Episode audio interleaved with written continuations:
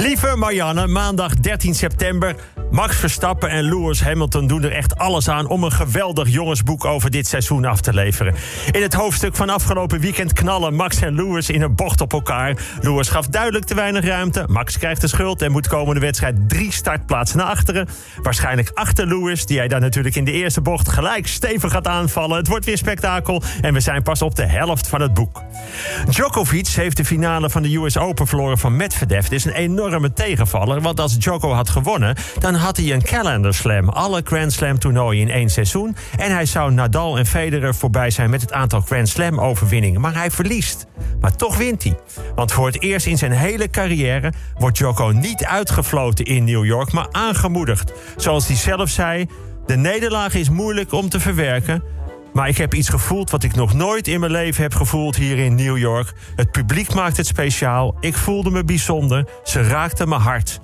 Ik voel dat ik voor het eerste keer misschien echt iets heb gewonnen. Snap je? Uiteindelijk is de soms zo arrogant en irritant en agressief ogende Jocko diep van binnen ook gewoon een klein jongetje dat van anderen wil horen dat hij lief is. In Urk heeft een aantal jongen in nazi-uniformen door de stad gelopen. De Hitlergroet gebracht en een man met een jodenster met een pistool onder schot gehouden. De jongeren legden uit dat ze niet anders konden. Ze waren in het verkeerde uniform geboren. ze merkten op school dat ze van binnen steeds vaker Duits gingen praten. En nu durven ze er vooruit te komen. Ze zijn dus eindelijk aus dem Schrank gekomen. De overheid wil ze vaccineren tegen antisemitisme, maar daar zijn ze fel op tegen in Urk.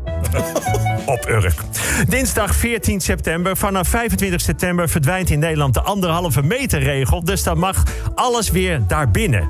Zoals we dat nu ook al doen op straat en in winkels en in voetbalstadions. Op het strand, op feestjes thuis, in het vliegtuig, op school, langs de lijn, op de markt, bij demonstraties, op bezoek bij familie, met een one-night stand, op de foto, op de gangen van de Tweede Kamer.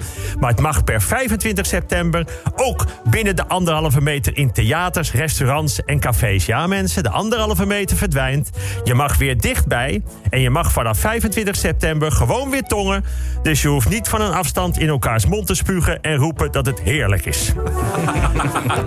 Wat wel nodig is om ergens binnen te komen is de coronapas. De QR-vaccinatiecode of een geldige test. Ja, ik weet niet precies hoe. Maar ik vind het wel erg fijn te weten als ik in een ruimte dicht op mensen sta... dat ze op zijn minst getest zijn. Net als van mensen die in een auto rijden... dat ze een rijbewijs hebben gehaald. Of van een chirurg dat als hij mij opereert... dat hij ervoor gestudeerd heeft. Zoals mijn vriend Erik van Sauers een keer vertelde... hij zat een keer op Schiphol te wachten op een vliegtuig. De bemanning van het vliegtuig zat ook te wachten. De piloot was bezig met een sudoku... maar met een twee sterren sudoku. Dat zijn echt de allermakkelijkste. En hij zat het antwoord achterin op te zoeken. Dan stap je niet lekker in een vliegtuig. Uit een belangwekkend groot en betrouwbaar onderzoek blijkt dat mensen verreweg het meest vreemd gaan in de maand september. Ik moet dus nog flink aan de slag om mijn aantal in augustus te overtreffen.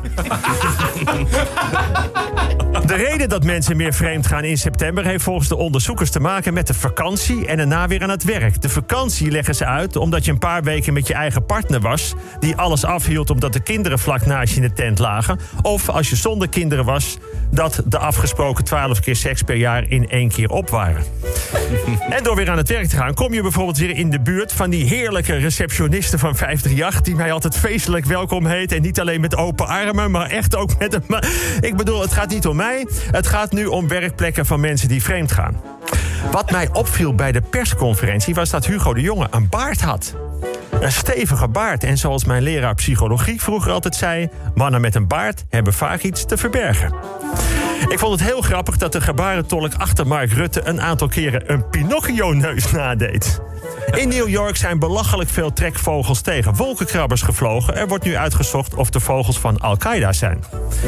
Woensdag 15 september. De anderhalve meter samenleving die, uh, gaat, pas, die gaat pas uh, in op 25 september. Waarom de nieuwe regels niet per direct ingaan, is iedereen onduidelijk. Theo Maassen wacht niet tot 25 september. Speelt deze week gewoon zijn voorstelling voor een volle zaal in Haarlem. En het mag, want het is gewoon een hele goede voorstelling. De Rotterdamse burgemeester Abu Talib is uitgeroepen tot de beste burgemeester van de wereld. Weet je hoeveel burgemeesters er zijn op de wereld? Nee, ik ook niet, maar er zijn er heel veel. Maar Rotterdam heeft de beste. Abu Talib kreeg van de jury een hele dikke 010 alles goed. De beste komt uit Rotterdam. Ken je dat niet horen dan? De burgemeester van Urk deed ook mee aan de verkiezingen... maar heeft net niet de top 500.000 gehaald. Het demissionaire kabinet uh, heeft het eet minder vleesadvies toch uit de klimaatcampagne geschrapt. De reden is dat het minder goed werkt om mensen te vertellen wat ze niet moeten doen, want dan gaan ze het juist doen. Ja, dat ken je ook wel. Er komt iemand op bezoek en je neemt je voor niets te zeggen over de dikke kont. maar daar ben je zo mee bezig in je hoofd dat je toch opeens vraagt: uh, wil je melk en suiker in je kont? Uh, of wat fijn dat we dikke vrienden zijn. Of wat een leuke witte broek kan ik misschien de PowerPoint op presenteren. Of ik hoorde gepiep, ik dacht dat je achteruit liep. Het is allemaal per ongeluk, maar dat komt omdat je het er niet over mag hebben. Donderdag 16 september. Ajax heeft in de Champions League met 5-1 gewonnen van Sporting Lissabon. Normaal winnen Nederlandse ploegen niet zo makkelijk van Portugezen. Maar blijkbaar wisten de spelers van Ajax dat niet. Volgens Valentijn Driessen, sportjournalist van de Telegraaf, had Ajax ook geen spits om zomaar van de Portugezen te winnen. Ajax-spits Haller was volgens Valentijn echt te slecht voor de Champions League. Nou, Haller maakte vier doelpunten. En zoals hij het zei, het voelde mij als Valentijnsdag. Er zijn in, een, in de Nederlandse tuinen veel stoeptegels. Dat is slecht voor het insectenbestand, slecht voor de afvoer van regenwater... en het zorgt voor toename van de hitte in bebouwde gebieden. En daarom houdt een aantal gemeenten nu een NK tegelwippen. Tegelwippen. Dat is een prachtig woord dat wij vroeger gebruikten voor seks op straat. nu gaat het erom wie de meeste tegels per inwoner wipt. Voorlopig koploper bij het tegelwippen is Rukfun. Ja, sommige dingen verzin je gewoon niet. Vrijdag 17 september. Deze week in de diverse Europa Cups hebben Feyenoord, AZ en PSV gelijk gespeeld. Vitesse en Ajax gewonnen. En duidelijk is, niemand wint zomaar van een club uit de eredivisie. En ook de ChristenUnie heeft een motie van afkeuring tegen uh, de, de, demissionair minister Kaag uh, ondersteund. En zo werkt het. In de onderhandelingen wilde Kaag niet met de ChristenUnie. Bam, dan krijg je het terug. De missionair minister Bijleveld van Defensie kreeg ook een motie van wantrouwen. Maar zij blijft gewoon zitten. En zoals zij het zegt, het moet toch lukken om het CDA uiteindelijk onder de drie zetels te krijgen. Goed nieuws voor het terugdringen van CO2-uitstoot tenslotte. Het is Duitse en Nieuw-Zeelandse wetenschappers en boeren gelukt om koeien zindelijk te maken. En dat is moeilijk hoor.